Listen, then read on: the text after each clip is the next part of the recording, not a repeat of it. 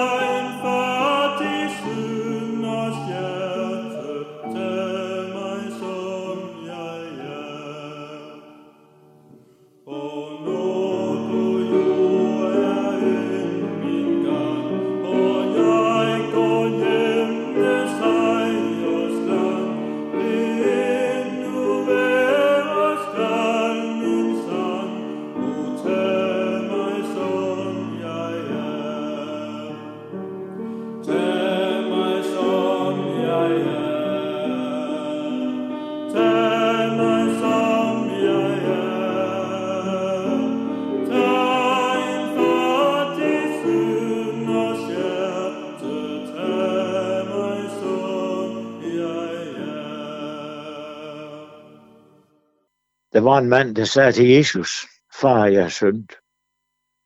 Det er nok de sværeste ord, noget menneske kan få over sine læber.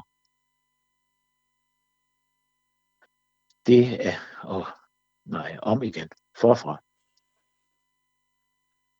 Velkommen til Notabene. Mit navn er Hans Jørgen Hedegaard. Der var en mand, der sagde, far, jeg har syndet. Og det er nok de sværeste ord, noget menneske kan få over sine læber. Og det er ordet jeg, der er det sværeste ord. Far, jeg har syndet. Jeg er fortabt. Og jeg har ikke fortjent andet end dom og fortabelse. Jeg er en sønder. Men hvordan skal jeg så få mod til at være ærlig over for Gud? For mig har det været en fantastisk hjælp at blive stille for påskens budskab. I Gethsemane have, siger Jesus, tag mig og lad disse gå. Tag mig, sagde Jesus. Han var ikke skyldig i noget som helst. Og alligevel siger han, tag mig. Så tog soldaterne Jesus, og han blev pisket, så ryggen hang i laser. Lidt efter ser vi Jesus stå med en tårnekrone på hovedet. Tårnene stikker, så blodet løber ned i ansigtet af ham. Pilatus finder intet at anklage ham for. Og lidt efter ser vi en mand, der bærer et kors. Han var dømt skyldig. Jesus er på vej til Golgata. Hans blodige ryg blev lagt oven på korset, og navler blev slået igennem hans hænder, hans hænder og fødder. Da korset blev rejst op, tynger hans vægt, så det gør forfærdeligt ondt i navlesårene. Og så var det ikke det værste på korset. Nej, det aller, aller værste, det var, da Jesus råbte, min Gud, min Gud, hvorfor har du forladt mig? Hvorfor lider Jesus så forfærdeligt? Har du hørt hvorfor? Har du hørt, hvorfor han gjorde det? Hvorfor han lod det ske? Var han alligevel skyldig i synd? Ja, han var skyldig i hele verdens synder. Ikke fordi han selv havde syndet, men han var skyldig, fordi han påtog sig skylden for din synd og hele verdens synd. I vort sted og på vores vegne stod Jesus ansvarlig over for Gud. Og alt, hvad vi skylder, bliver nu krævet af Jesus, og regningen skal betales. Og han gjorde det. For Guds dom og straf over vores synd var blevet lagt over på Jesus, og han tog straffen for alle vores overtrædelser. Han blev gennemboret for vores overtrædelser og knust for vores synder. Han blev straffet for, at vi kunne få fred. Ved hans sår blev vi helbredt. Vi flakker alle som får. Vi venter os hver sin vej. Men Herren lod al vores skyld ramme ham. Du kan selv læse det i Esajas bog, kapitel 5, 53 var det, vers 5 og 6. Det gjorde Jesus for dig.